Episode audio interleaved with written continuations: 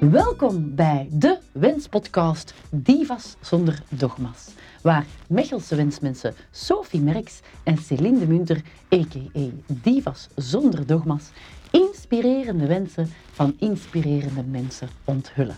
Laat je inspireren, wens mee en vooral maak van je dromen plannen.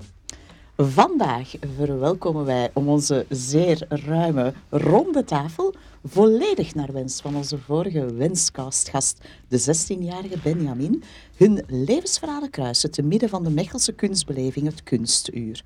Zo brengt deze gast in en buiten de Dijlerstad meesterwerken via bekende en geëngageerde Vlamingen tot leven.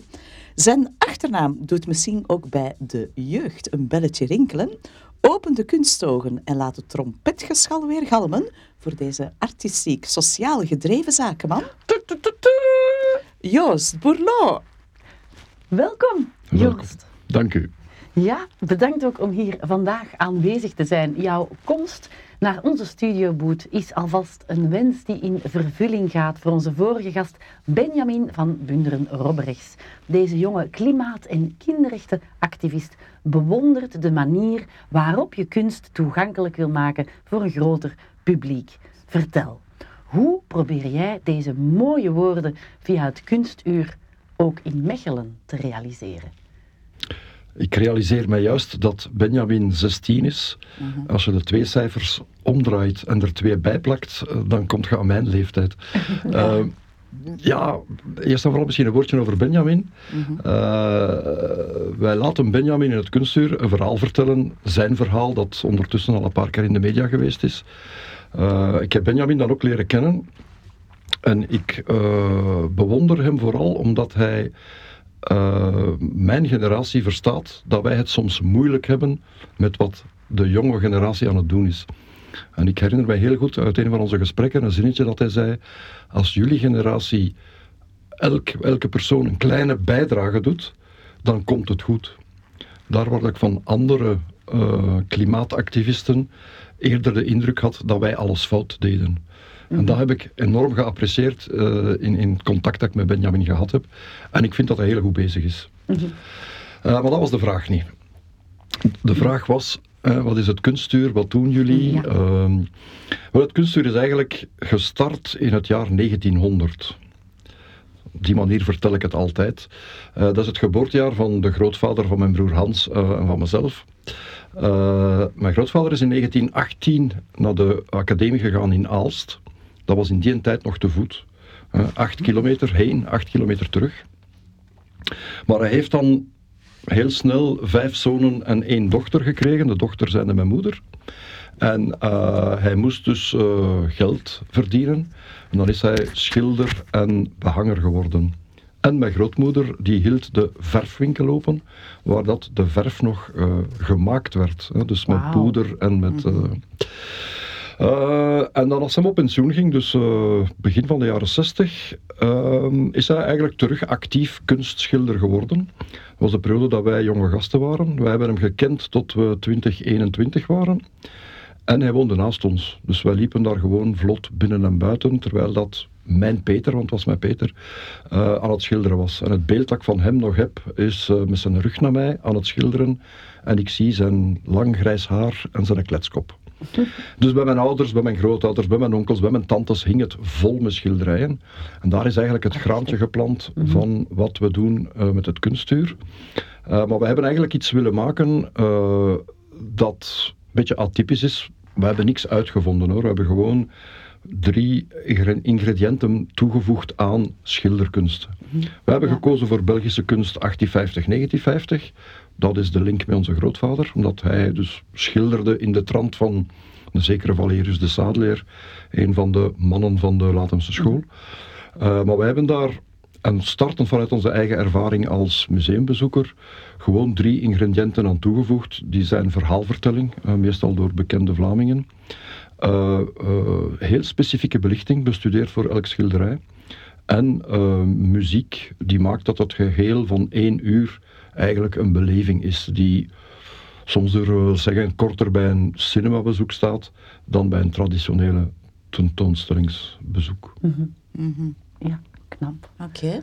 Ja, en jullie proberen dat ook eigenlijk in Hasselt en Roeselaar om zo bezoekers op een andere manier naar uh, kunst te laten kijken.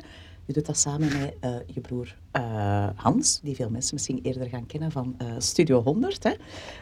Is het geheim achter het kunstuur dan die storytelling? Of hoe zou je dat succesrecept dan beschrijven? Ja, laten we zeggen, het is, nog eens zeggen, het is een privé-initiatief van mijn broer en van, en van mezelf. Het staat volledig boven buiten Studio 100, sorry. Maar we hebben wel enorm veel geluisterd naar mensen die ook voor Studio 100 werken. Mhm. Ehm, die zijn afgekomen met ideeën uh, waarvan dat we 80, 90 procent moeten weggooien hebben omdat not done met een kunstwerk. Maar ik denk dat de 10% die we gehouden hebben, dat die wel het verschil maken. Mm en eigenlijk, ja, uh, wij, wij hebben kunst heel laagdrempelig willen brengen. He, zodanig dat iemand, ik zeg altijd, iemand die nog nooit in een museum geweest is, die kan het kunstuur aan. Je moet niks van kunst kennen. Mhm. Eh, het is een opstapje, ook kinderen vanaf 8, 9 jaar. Ik herinner me heel goed, uh, in november 19, toen dat we gestart zijn in Mechelen, stonden wij natuurlijk, dus openingsdag 27 november om 10 uur, te wachten van wie gaat hier als eerste de deur openduwen. En de eerste die binnenkwam, dat was een moeder met een zoon van, denk 8, 9 jaar. Midden in de week. Ik zeg, mevrouw, zei, hoe, kan, hoe kan dat? Hè? Het was dan pedagogische studiedag. Ik zeg, ja, dat is direct een interessant gegeven om te kijken uh, hoe gaat de zoon erop reageren. En die kwamen een uur later buiten en de moeder zegt tegen mij, proficiat, mijn zoon heeft één uur aandachtig gekeken. En dat is eigenlijk omdat we de verhalen die erbij horen, doen de mensen kijken. Maar de verhalen zijn uh, anekdotisch, uh, historisch, uh, maar nooit kunsthistorisch. Ze zijn denk ik nooit saai, zijn ook heel gevarieerd. Hè. En, en, ik vergelijk het ook dikwijls met een iPad. voor kinderen, om de anderhalve minuut komt er een nieuwe prikkel. Mhm. Een nieuw schilderij, een nieuwe verteller, nieuwe effecten met het licht. En dat is eigenlijk zoals op een iPad geswiped. om het anderhalve minuutje een nieuw verhaal, nieuwe prikkel. En, en zo behouden ook kinderen uh, de aandacht. De aandacht, ja. Mhm. ja. ja En al de emoties van het spectrum passeren ook de revue. Ja, hè? Dat ja, heb ik ook gemerkt proberen, uh, tijdens mijn bezoek. Ja. ja, wij proberen het zo natuurlijk gevarieerd te houden. Hè. Er mm moet een beetje emotionele verhalen in zitten.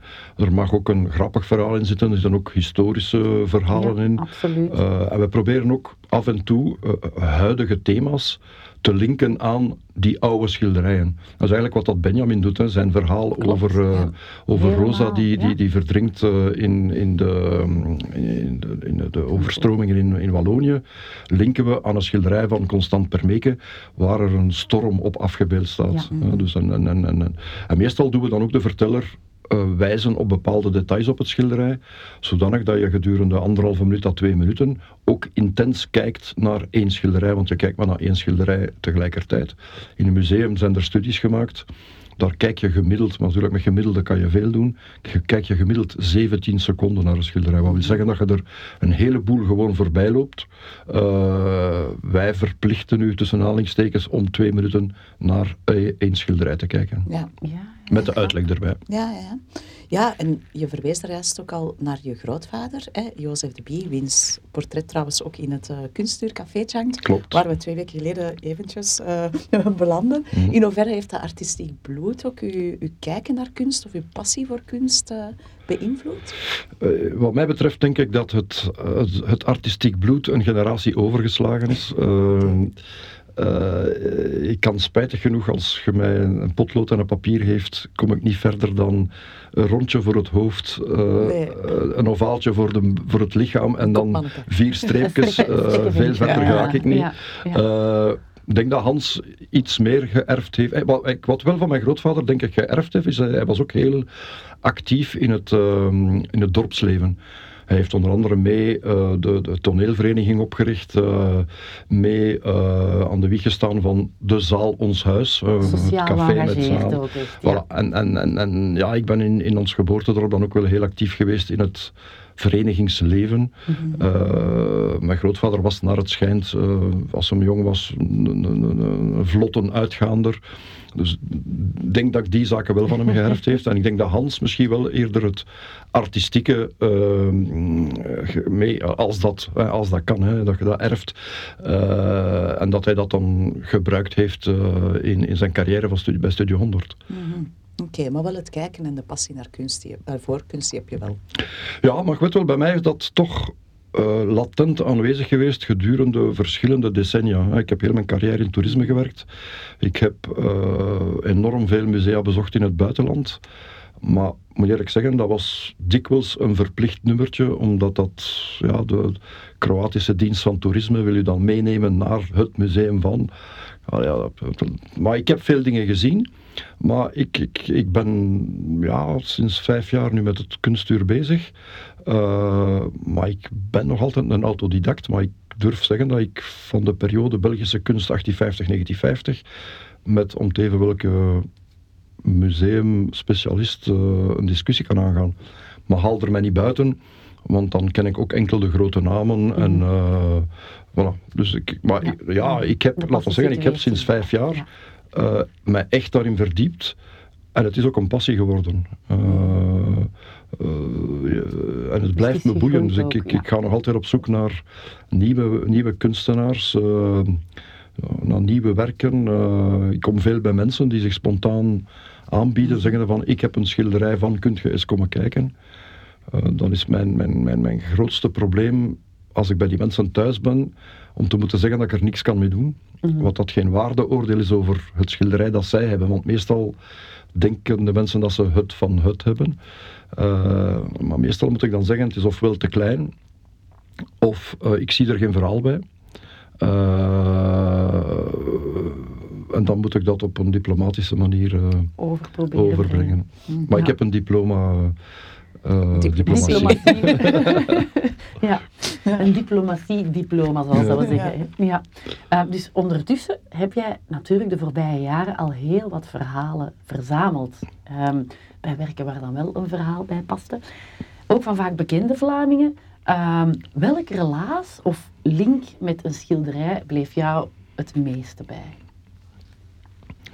Uh, in Mechelen hebben we dus zes tentoonstellingen, of loopt nu de zesde. Dus dat wil zeggen dat ik uh, maal 30, 180 verhalen eigenlijk al, uh, dat zijn er al vele laten moeten kiezen, gemaakt hebben. Ja. Om er daar nu eentje uit te pikken, ik, ga een, ik ga er op een andere manier op antwoorden. omdat ik ook dikwijls de vraag krijg van in de huidige tentoonstelling, wat vind je het mooiste schilderij? en dat is eigenlijk ook zo met de verhalen. ik zeg, dat is elke dag een ander. Omdat je weet wel, de manier waarop dat iets u pakt, uh, is de maandag anders dan de dinsdag. Het en dan de woensdag. Met, de, je met hoe dat je opgestaan, en, voilà, ja, hoe dat je ja, opgestaan ja. bent, uh, of dat je die ochtend uh, moeilijk uit je bed geraakt bent, of dat, dat, dat je je goed voelt, of dat je een nachtje uit geweest bent met dames en dat je dan de dag nadien is het antwoord anders. Hè. Dus, het kan heel erg verschillen van dag dat, tot dag, dat begrijpen wij. We hebben niks mee te maken. Maar verder, vertel verder. ja. Maar ja, natuurlijk moeten jullie ook kunstwerken voor de drie locaties verzamelen. Hoe gaat dat in zijn werk? Hoe moeilijk of makkelijk is het om deze toch vaak topwerken in bruikleen te pakken te krijgen? Um, dus wij, hebben twee types van bruikleengevers. Dat zijn eerst de musea. Dus uh, ik denk dat we eh,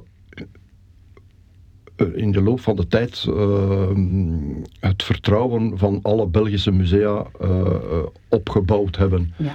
Ik herinner me nog toen dat ik in 2018 aan de deur ging kloppen van een museum om gaan uit te leggen wat dat we gingen doen. dat ze zo argwanend keken van wat gaan die mannen van Bourlon die uit de entertainmentwereld komen doen met, met onze mooie schilderijen. Mm -hmm. Ondertussen kan ik hun tonen wat we doen. kan ik hun ook bewijzen voorleggen dat wij het op een heel professionele manier doen qua temperatuur, luchtvochtigheid, be beveiliging van de werken. Ja. En, en, en, en uh, heb ik met alle musea een, een vlotte band. En als er schilderij beschikbaar is, dan lenen ze het, uh, het ons vlot uit. Dan heb je natuurlijk het. En wij proberen altijd van meer dan de helft van de werken uit privécollecties te halen. Mm -hmm. En dat is iets dat je ook gemakkelijk opbouwt, omdat mensen die iets of wat uh, kunst-minded zijn, die komen eens kijken in dat kunstuur en die, die zeggen van tja, ik heb begrepen dat als ik dat uitleen, dat ik ergens een soort van latente meerwaarde creëer voor het werk dat ik in bezit heb. Uh, want ik zeg altijd tegen die mensen, een schilderij wordt op een dag verkocht. Uh, bent u het niet, het is de volgende generatie of de generatie nadien of zelfs nog later. En wat doet een potentiële koper? Die stelt meestal twee vragen. Hè. Is het een echt? Mm -hmm. En dan is het tentoongesteld geweest. Ja.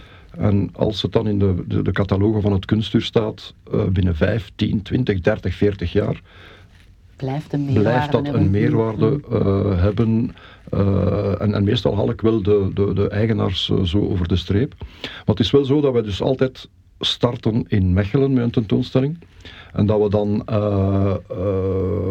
de werken die in Mechelen te zien geweest zijn, worden dan achteraf ja. getoond in Hasselt en in Roeselare. Ja. Nooit in dezelfde samenstelling, omdat ik nooit alles perfect in dezelfde samenstelling samen krijg.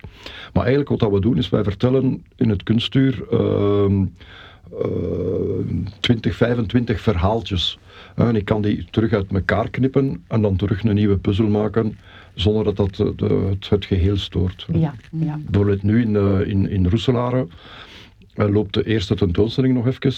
Uh, en daar zijn bijna allemaal werken te zien die in de eerste en tweede tentoonstelling in Mechelen te zien waren. Okay, dus ja, hebben gewoon fijn. terug aan elkaar Wij gebracht. appreciëren als Mechelessen zeer uh, dat dat allemaal in Mechelen is. De Ja, start ja, ja. van alles. Ja, Uiteraard, fijn. uiteraard. Ja. Heb je zo nog een wishlist van kunstwerken die je graag zou willen tonen? Die is uh, nog redelijk lang, ja. Allee, pakt uh, een top 3. Uh, Give it to Ja, ik heb, ik, we hebben het daar straks even voor, voordat we gestart zijn over gehad. Uh, in, uh, in het museum L'Hermitage in Sint-Petersburg Mhm. mm -hmm. hangt er een schilderij van een zekere Alexander Struis. Trouwens directeur geweest van de Academie van Mechelen uh, een tijdje. En dat stelt een man voor op zijn sterfbed. En dus heel mooi geschilderd, want hij ziet dus grijs en je ziet dat, hem, ja, dat zijn laatste Einde, uur nadert. geslagen is. En dan staan er twee mooi geklede heerschappen naast dat bed, één links, één rechts.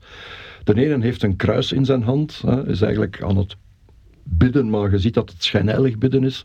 En een andere houdt zijn hand vast en doet hem iets tekenen op een papier.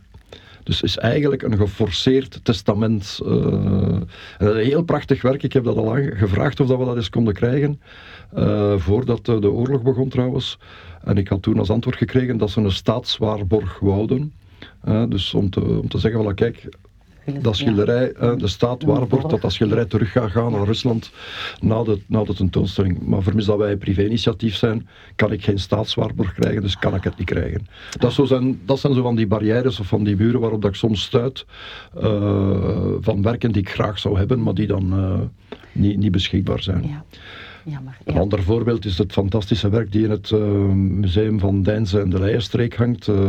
de bietenoogst van Emile Klaus.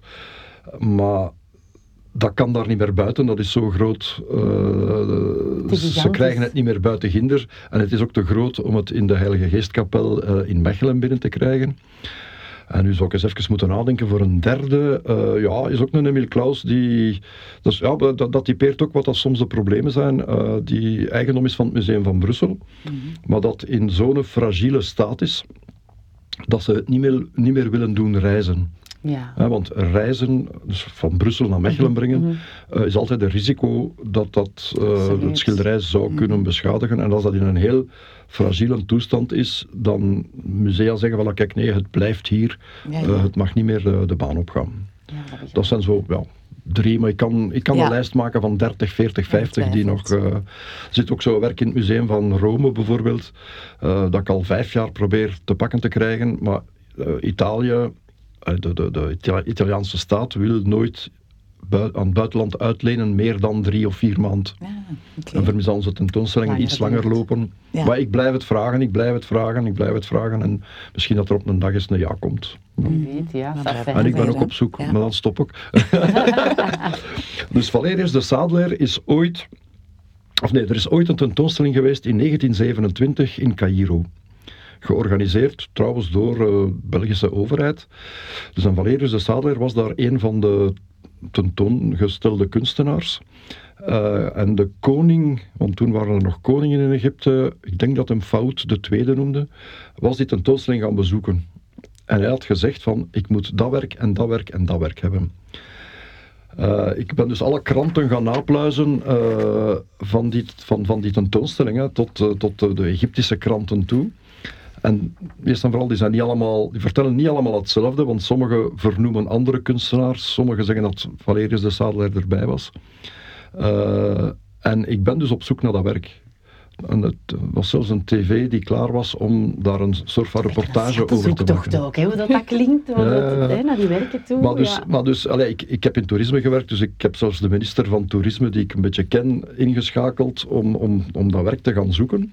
Ik heb via LinkedIn alle mensen aangezocht. Je hebt er echt je werk van gemaakt, ja, dat is echt een missie. Ja. Maar dus, en het probleem is, sommige mensen zeggen, ja, het bestaat, wij hebben het gezien.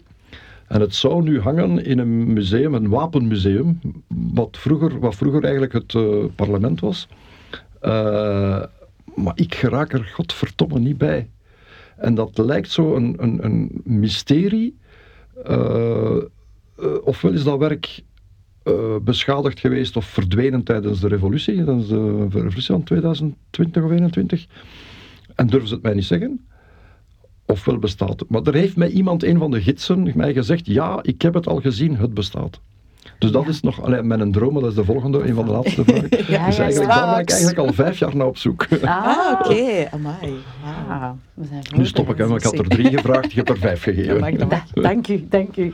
Ja, je uit de hand gelopen hobby zorgt ervoor dat je doorheen de week in Mechelen verblijft en enkels weekends naar huis in Frankrijk reist.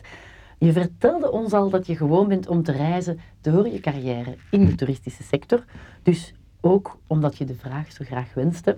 Wat was of is jouw favoriete reisbestemming? Um, ja, ik, ik heb het een paar keer gedaan. Uh, dat is een combinatie van Jordanië en Israël. Omdat dat dermate gevarieerd is. En, en, en dat je niet veel kilometers moet doen om uh, op één week tijd de Rode Zee, de Dode Zee te doen. en dan fantastische sites, uh, zowel in Israël gelinkt aan het katholisch, katholieke geloof. En dan aan de andere kant in Jordanië, uh, Wadi Rum, Gerash en ehm, Petra. Dat zijn fantastische, fantastische mhm. plekken. Ja. En dan kun je ook van chique hotels overgaan naar een nacht in de woestijn in een berbertent. En dat is zo gevarieerd op één week tijd. Ik heb dat ooit met mijn kinderen gedaan. Uh, zelf rijdende met een jeep. Uh, mijn kinderen waren denk ik toen een jaar of tien. Dat was, voor het eerst, dat was voor het eerst dat ze geen club- of strandvakantie deden. En ze spreken er nog altijd over trouwens. Het was wel zo dat ik overal gesignaleerd was. Uh, elke keer als er een politiecontrole was, dan ging de barrière open. Dat waarschijnlijk die een jeep een nummerplaat had die, die toeliet dat ik overal gewoon kon, kon doorrijden. wat een luxe. Ah, ja, ja. oké. wat een geluk.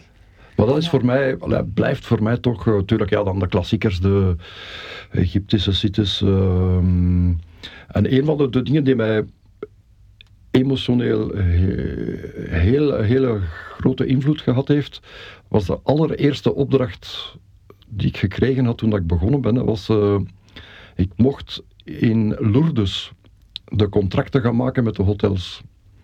In die tijd organiseerde Sunair, dus het bedrijf waar mhm. ik voor werkte, uh, was er een vlucht de vrijdag en een vlucht de maandag. En dus uh, daarvoor moesten de mensen in hotels, dus wij maakten de contracten met de hotels. Ik had dat nog nooit gedaan, dat was zo'n vuurdoop. En ik kom daartoe en de, onze lokale vertegenwoordigster, een, Vlaamse die daar woonde, zei... ja, we gaan een keer de grotten gaan bezoeken. dat was ja, ene grote kermis. Hè. Maar ze zegt dan tegen mij, je moet daar vannacht eens naartoe, naartoe gaan. En ik ben dan rond twee, drie uur s'nachts teruggegaan naar de grotten in Lourdes. En ik kan u verzekeren, daar leeft iets, daar is iets. daar zit dan nog 20, 30 man te bidden, honderden kaarsen. En daar is zo'n atmosfeer die echt kunt dat niet omschrijven als je het niet meegemaakt ja, hebt. ja, Hè, maar ja, dus, je moet eh, het beleven. Je kan ja, het niet ja, in ja, woorden ja, ja, onderbrengen. ja, zo. ja, ja. Dus ook, is- ik maar heb- bij nacht. Een Ja, s'nachts, ja. Ik heb dat gedaan in, ik denk in 87. Je weet wel, we zijn zoveel jaar later. en Het, Ja, en je ik je citeer het altijd als mensen mij vragen. Ja, ja, eh, ja. Het moet Ja, een duidelijke grote indruk nagelaten Ja, ja, hebben. Oké. Ja, je hebt het nu al gehad over jouw carrière. Jij bent eigenlijk econoom. Jouw broer eh, is eh, filosoof van opleiding. Veel mensen denken misschien dat dat omgekeerd is, maar is dus niet zo. Ja, het is in ieder geval een succesvolle combi gebleken, hè, ook voor het kunstuur, waarmee jullie uiteindelijk ook de Mechelse VZW Charabang ondersteunen. Van waar eigenlijk dat eh, sociaal engagement? Ehm, eerst en vooral, ik denk dat Hans en, ik, wij, dat we elkaar goed aanvullen. Hè. Dus eh, hij is een stuk creatiever dan ik. Ik ben een stuk meer georganiseerd en eh, planning en dergelijke. Dus dat is een mooie combi, gelijk als je het zelf zegt. Ehm, maar wij hadden zoiets op een gegeven moment, toen dat we daarmee begonnen waren. Voor ons is het een hobby. Hè. Je dat straks zelf gezegd, eh, uit de hand gelopen hobby. Ehm, en, en, en we hadden zoiets van, gaan de mensen ons niet beschuldigen van... eh, die mannen gaan dat doen om rijk te worden. Ja, Dat is een beetje zo de Ja, negatieve ja. kant die, die soms rond Studio 100 hangt. Ehm, en dan hadden we zoiets van, kijk, wij doen het niet... Kunstuur doen wij niet voor het geld, het is een hobby. Dus het basisidee was, als we daar ooit winst mee maken, dan geven we die sowieso weg aan een goed doel. En dat staat ook in de concessieovereenkomst die we zowel in Mechelen, Hasselt als Roeselaar gemaakt hebben. Ehm, maar dan moet je snel vaststellen dat ja, winst maken in met wat we doen is, is niet evident. Hè. Hobby mag een beetje geld kosten. En dan hebben we gezegd, oké, we gaan sowieso een vereniging steunen. En eh, dan ben ik in Mechelen een beetje gaan rondkijken. En ja, eh Charabang, dat was het. Dat ik, was- heb, ja. ik heb op een of andere manier. ehm, kom ik heel goed overeen met mensen van het syndroom van Down. Ik heb ook een vriend die, die, die bij IBM werkte, die een zoon heeft die het syndroom van Down heeft. En, en als we zo eens gingen eh, wandelen in het bos en hij wou plots niet meer mee, hè, zo van stop, ik is hier gedaan, dan was ik altijd de enige die hem kon overtuigen om, om verder te doen. Vraag me niet hoe dat, dat komt, maar ja, ik kan met die dames en heren eh, goed overweg. Ehm, en dan toen, ja, Sarabang is een atelier waar dat je kan schilderen, eh, toneel, zang, eh, wat doen ze nog allemaal. Dan leek me dat direct een tof verhaal. En, en Ja. Sarabang is daar ook echt ingestapt. Je weet wel, je kunt zo een idee hebben en dan... eh, Het wordt niet uitgevoerd. Nee, de, de, de gasten van Sarabang komen naar het kunstuur kijken en gaan nadien eh, aan de slag en, en laten zich inspireren door wat ze gezien hebben. Eh, We hebben die werking ik- bewonderd. ja, Ja, en ik heb, ik, heb daar, ik heb daar enorm veel voldoening van, omdat, eh je weet wel, als ik in Mechelen op straat loop en een van de gasten passeert me dan, dan die van ver aan het zwaaien en aan het doen en eh kunstuur gaan kijken en trouw, weet wel, tof en prachtig en ik weet niet positiviteit dat dat Voilà, ook eh, voilà, ja, ja. En, en Cathy, dus een van de, van de jonge dames, is een, een heel... allee, ja, ik zeg, ik bewonder haar, want Cathy eh, heeft meegedaan aan de...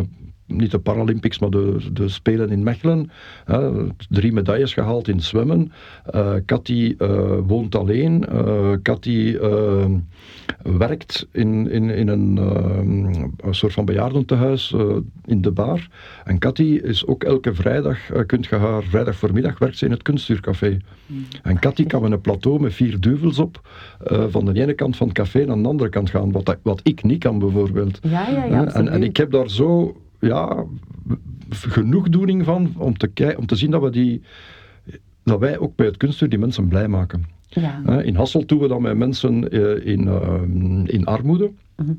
En daar zijn we zijn eigenlijk een groep mensen in armoede, armoede begeleid dus door een vereniging die Avanza noemt.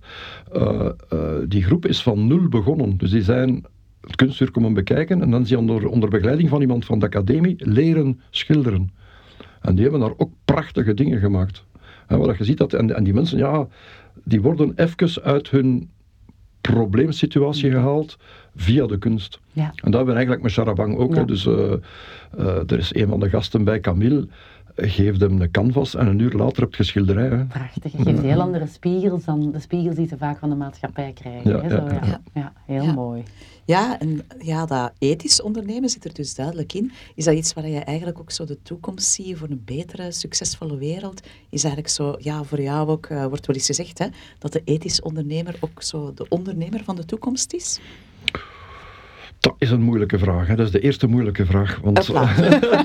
Moest er toch geen bij zitten, hè, Joost? Allee, kom aan, hè. Nee, ja, natuurlijk, ondernemers, je hebt verschillende soorten. Ik bedoel, je hebt ondernemers die, het, die echt alleen eh, uit zijn op eh, zoveel mogelijk winst maken. Eh, dat zijn dan degenen die gestigmatiseerd worden.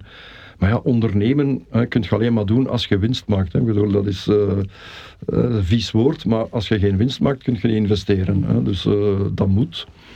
Maar ja, wij leven in een, in een eh, samenleving vandaag waar dat de jeugd alles op een heel andere manier bekijkt dan mijn generatie.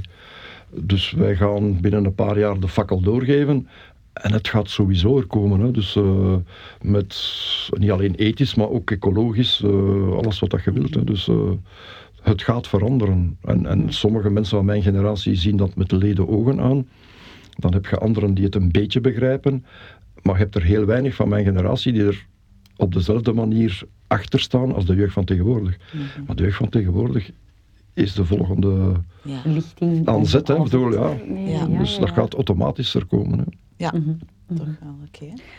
Het ethische onderwerp hè, brengt ons terug naar het begin en je link naar onze vorige gast Benjamin. Die bij een kunstwerk dan in Mechelen, hè, we hebben dat al eventjes vermeld, zijn pijnlijke verhaal over het verlies van zijn vriendin Rosa in de overstromingen aan de Oert vertelt. In hoeverre zie jij specifiek voor kunst dan een rol in het klimaatdebat en de toekomst van onze planeet weggelegd?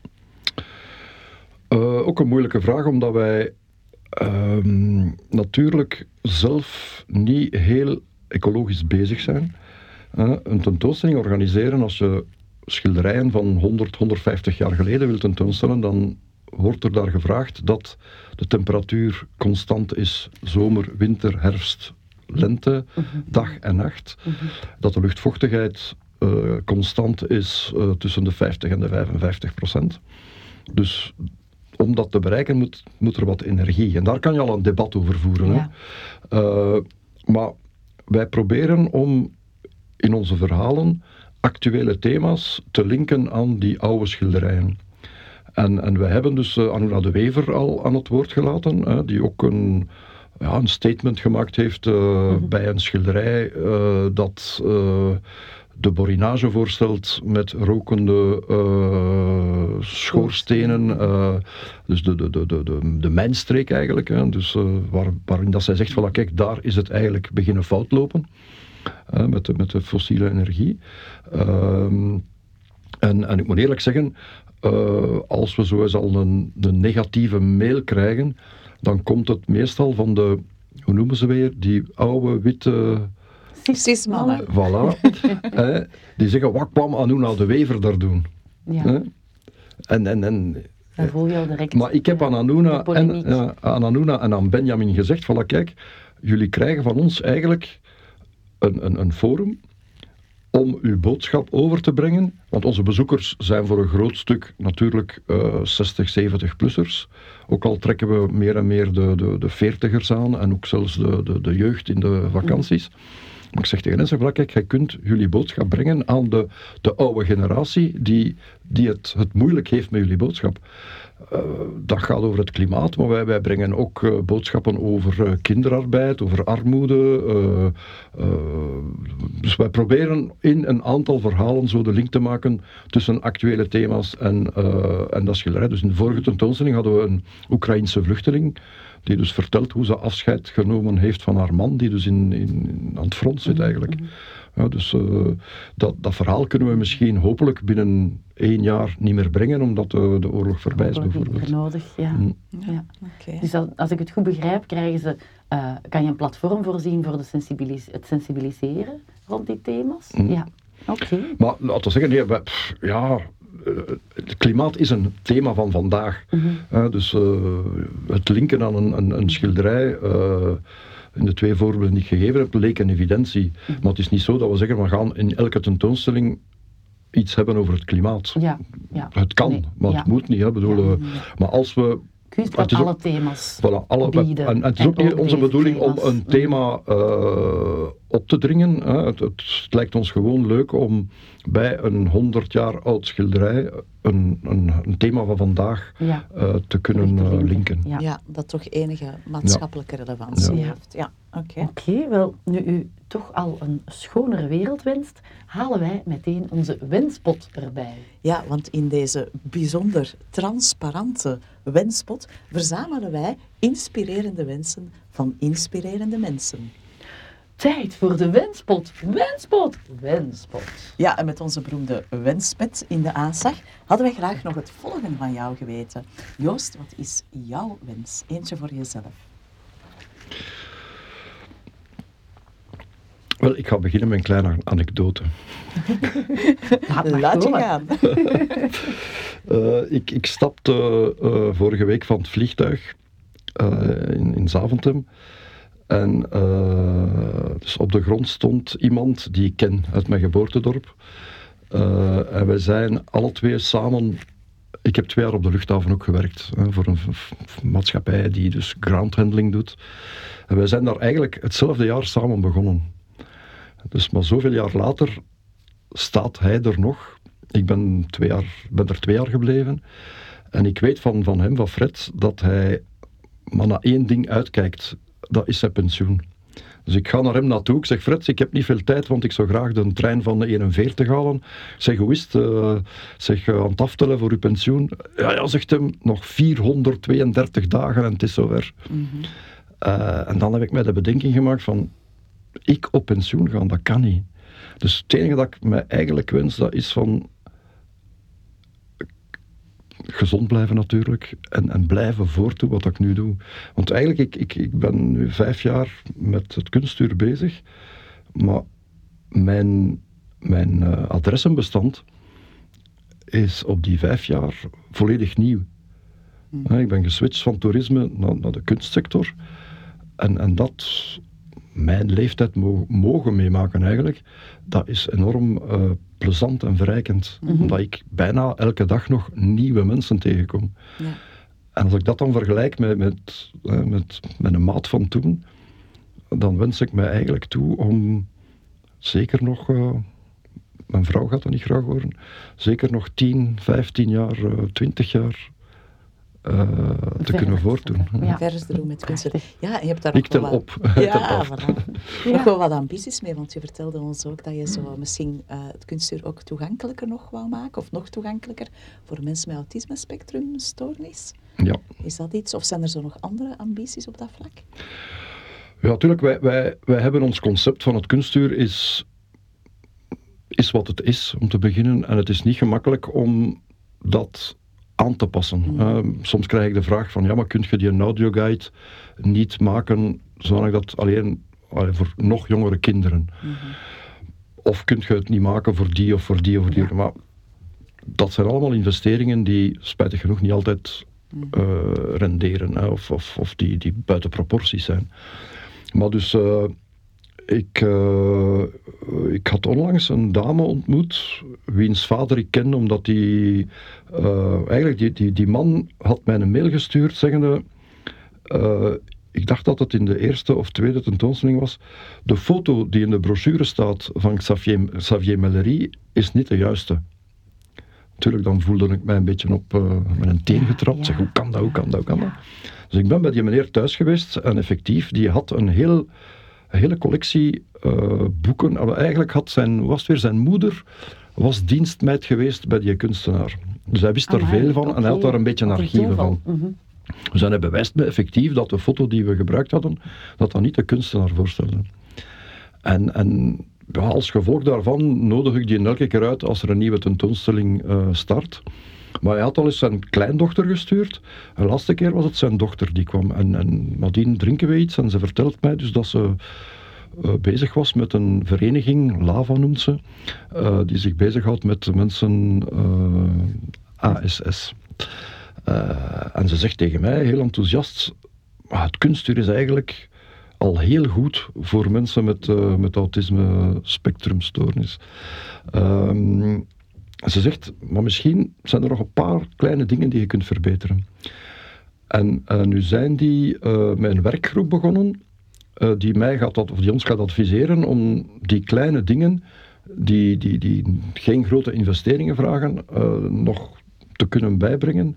en, en hun doel is ook om, om, om later een soort van, ik ga niet zeggen diploma's uit te wijzen, maar een soort een certificaat van, ja. voilà, voilà. Dus ik zit nu te wachten op, ze, ze zijn vorige week dus komen kijken. En ze gaan nu een aantal recommandaties in Frans, uh, aanbevelingen. aanbevelingen ja. ja. Nu ben ik even aan het... Juist. ja, het is het Nederlands te doen vandaag. Aanbevelingen uh, schrijven van dingen die we kunnen aanpassen om het nog toegankelijker te maken. Ja. En een van de zaken heeft mij wel, wel verbaasd, want ja, ik, ik, ik, ken die wereld ook niet zo heel goed. Uh, bijvoorbeeld, als Benjamin zijn verhaal vertelt, op een gegeven moment zegt hij van dat uh, een overvliegende helikopter hem nog altijd triggert. Hè, omdat mhm. Rosa dus verdronken is en we maar een paar dagen later teruggevonden. En dus er waren zoektochten geweest met helikopters. En dus die dame zegt tegen mij, ja zeg je, dat is iets wat de mensen met het autisme-stoornis, dat dat... dat mm Plotse geluid. Ja, dat, dat, geluid van die helikopter. En een van de, van de dames die dus in de werkgroep zit, mhm. zei dat effectief, daar was ik even uh, van mijn melk. Ja. ja maar dat is niet, ja, we, gaan, we kunnen dat er niet uithalen, maar zij gaan maar nu zeggen van hoe kun je dat vooraf uh, voor zorgen dat ze... Voilà, dus ik weet ongeveer al waarover het gaat gaan, maar ik wacht nu op de aanbeveling. Ah, ja. Dus ja, als we iets kunnen doen om het uh, mm -hmm. Nog toegankelijker te maken, dan, dan ja. zijn we daar zeker bereid om aan mee te werken. Oké. Ja, we horen hier dat uw wensen voor uzelf eigenlijk heel hard samenhangen met kunstuur. Uh, wat wens je anderen toe? dat ze naar het kunstuur komen kijken. de cirkel rond. Ja, nee, nee. Nee, maar ja, ja ik, ga wel, ik ga wel blij blijven. Omdat ik heb, ik heb uh, iemand, zo'n 82-jarige dame, dat is de schoondochter van Gustav van de Woestijnen. Dus een van de kunst, kunstenaars die veel aan bod komt. Is getrouwd geweest met Maxime van de Woestijnen, dus de zoon van uh, Gustav. Trouwens ook nog directeur van de academie geweest in Mechelen. Uh, en Maxime en uh, Uget noemt ze uh, eh, 30 jaar verschil. Dus het is daarom dat ze nog, altijd, het nog altijd kan vertellen. En zij komt elke maand het kunstuur bezoeken in Mechelen. Voor haar is dat een uitstap. Dus, dat is, dat is, ze woont alleen, niet ver van, van Waterloo. En voor haar is dat een daguitstap. Dat is uh, naar het kunstuur komen kijken en nadien met mijn moeder in het kunstuurcafé iets gaan drinken. Schitterend. En, en, en, en uw gids zegt altijd, en dat wens ik eigenlijk iedereen toe, uh, uh, kunst kan de wereld redden. Mm. En nog deze morgen iemand die zei van, ik ben een uurtje van de wereld geweest. Ah ja, ja. Prachtig, ja. Dus ja, zo, dat wens ik de mensen toe. uit de dagelijkse beslommeringen. Ik denk dat onze wensmensen in Gent daar ook mm. van overtuigd zijn. dat kunst de wereld kan veranderen ten mm. goede. Ja, absoluut. Ja, nu dat we toch al op dat uh, padje zijn, nog een wens voor de wereld erbij? Goh, maar dat gaat een hele klassieke dan zijn. Hè. Dus... Uh, tja, ik, ik, ik hou van Israël, ik hou van Tunesië, ik hou van Marokko, ik hou van Egypte. Ik hou van Jordanië. Uh, spijt, spijtig genoeg in de Gaza-strook ben ik nooit geweest. Maar ja, dat is vrede vandaag. Hè. Mm. wat kun je de wereld meer wensen uh, dan dat uh, mensen elkaar uh, begrijpen -hmm. en, en, en, en geen domme dingen doen. -hmm. Ja, en kan kunst daar ook een rol in spelen dan? Ja, uh, ik, was dus gisteren in Hasselt uh, in het kunstuur een kerstdineetje met mijn team. Uh, en ik ken ook niet iedereen persoonlijk, dus ik had een jonge dame naast mij zitten die student nog is. En die ehm, enkel in het weekend in kunstuur in Hasselt werkt. En ik, ik, ik, dacht dat ze van Tunesische origine was. Uh, op een gegeven moment stel ik haar de vraag van, ja, wat, wat zijn uw origines? Ik kom uit Rusland. Uh, ja, en dan vertelde ze me ook dat ze naar de academie ging. En ze laat mij een aantal van haar werken zien. En ik vond het ja, heel goed gedaan. En ik ken hier in Mechelen uh, een, een, jonge dame ook die onder andere voor, bij Charabang uh, gewerkt heeft. die van Oekraïnse oorsprong is. En die ook heel, heel mooie dingen maakt. Hè. Ook kunst, zij, zij is eigenlijk kunstenares. En dan plots aan tafel zei ik van, dat is zou misschien een goed idee zijn om eens met jullie twee een Russisch-Oekraïnse tentoonstelling te houden. Maar nu weet ik niet op welke vraag dat ik aan het antwoorden ben. Ah, Wel, of dat kunst ook eh, Ah, voilà. meer vrede kan brengen. En Voilà. eigenlijk ben je wel aan het antwoorden. want- Voilà. Nee, we Ja, waren mee, we ja, waren ja, mee. ja. Om dan zo eigenlijk zo toch de verbinding tussen mensen te tonen via kunst, in Ja, plaats ja, ja. van de conflicten die van Ja, ja, ja. bovenaf Ja, eigenlijk want ik stelde, gevoerd ik stelde haar de vraag, Ja. ja, ik stelde Ja. haar de vraag van, ja, hoe voelt dat nu als Russische? En dan zei ze, ja, wij houden eigenlijk van Oekraïners en ik heb veel Oekraïnse vrienden en ik voelde dat ik niet veel verder moest aandringen om, om haar gevoel eh, Ja, ja. uit te drukken. Ja. Ja, voilà, kijk. Mooi, mooi. Ehm, ja, en wie zou jij voor deze wenspodcast nog graag uitnodigen? Mogen ook meerdere mensen zijn. Ehm, ja, ik heb een paar namen in mijn, in mijn hoofd. Ik denk, als we in Mechelen blijven, eh, dan moet je zeker eens eh, de voorzitter van Charabang eh, uitnodigen. Een heel bekende Mechelaar, Luc Marien, maar iedereen kent hem als Luc Vis. Samen met Marleen Joos. Marleen die eigenlijk ehm Charabang leidt. leidt die, die, die, die alles organiseert. Ehm, eh, de meeste mensen kennen vandaag, eh, denk ik, mensen met syndroom van Down via Down the Road. Hè, wat ik een, Mhm. ook zelf een heel mooi programma. Ik kijk niet veel tv, maar daar heb ik veel stukken van gezien. En het staat op mijn wishlist om tijdens kerstmis Ja. naar de wederuitzendingen te kijken. Eh, eh, ook omdat de meest sympathieke ervan, Evert, eh, eh, heeft op 21 maart eh, het kunstuur opengehouden. Omdat wij op de Wereldsyndroom, Wereld Down Syndroomdag laten we dus mensen Mhm. met syndroom van Down het kunstuur openhouden. Mhm. En Evert vroeg mij dezelfde namiddag van, ik wil dat hier elke dag komen doen. Ja, dus eh, hij vond dat zo plezant. Dus, maar ik, ik denk dat je Marleen eens eh, haar verhaal moet laten vertellen, eh, want eh, het is mooi op tv, maar zij is er elke dag mee bezig. Mhm. Eh, bij de, ja, als ik dan bij het kunstuur nog eens mag blijven, bij de bekende eh, personen die, die verhalen vertellen. Eh, en, en, en die regelmatig door de bezoekers als ehm, een, een van de extra eh, sterkten van het kunstuur eh, beschouwd worden, is de, de, de prachtige stem van, van Jode Meijeren. Mhm. Ja, die, die, die 82 wordt. En ik zeg, ik zeg tegen Jo onlangs, zeg, ik heb u zien sterven onlangs. Eh, ik, had, ik had in, ik weet niet welke vakantie het was, op, op Netflix eens naar alle oude Vlaamse films gaan kijken die erop stonden. Mhm. En dat was in De Leeuw van Vlaanderen, had hij een rolletje van drie minuten, waar hij dus in de Groeningenvallei als ridder, ik weet niet meer wat, Ja. Eh, allee, wat van de, een van de eerste die... Ja. Hij wist het zelfs niet meer. Ja. Dat hij wist het niet meer. Maar, maar Jo is, ja... eh, Jo, Jo doet heel graag mee aan kunstuur. Ja. Ehm, Jo heeft zelfs voor ons voor het eerst in zijn carrière een radiospotje opgenomen. Hij had dat nog nooit, heeft dat nooit willen doen, dus zijn stem lenen voor co- iets commercieel. En voor ons heeft hij dat, heeft hij dat willen doen. En dan een, eh, ja, iemand anders is eh Jeff Vermassen, die dus eh, ja, overloopt van enthousiasme als je hem over het kunstuur vertelt. Die nu in Mechelen in de zesde tentoonstelling ook een verhaal vertelt bij een schilderij van Jacob Smits. En ja, Jeff is een heel, heel aangename en vlotte prater. Oké, interessant, interessant. Ja, zeer goed om weten. Wij gaan ons best doen om daar in een volgende aflevering we mee aan de slag te gaan. Ja, absoluut. En ja, Joost, bedankt voor dit inspirerend gesprek. Nu lijven, ja, eigenlijk toch wel weer corona-dreigingen blijken, maar knuffels, eh, gelukkig ellebooggroeten verdrijven. Bedankt namens Benjamin van Bunderen Robrechts om Joost Bourreau te zijn. En het zal wel wezen nog heel lang te blijven.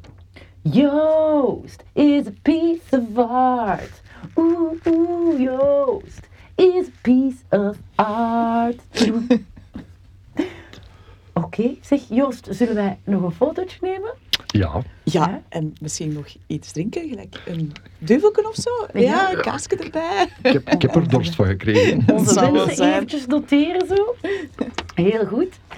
Trouwens, beste mensen, Iedereen heeft wensen. Voel je vrij om je eigen wensen te delen via wensmensmechelen.gmail.com of een kijkje te nemen op wensmens.be. Dat was het weer. Divas zonder dogma's ontmoeten elkaar en een nieuwe gast. Een volgende keer. Oh, dat ruimt. Oh, dat was mooi. Outro muziekje. Ja, Sander is... We eh, zijn er. Is hem niet in Ja. slaap gevallen? Hij is hier, hij is hier. Ja.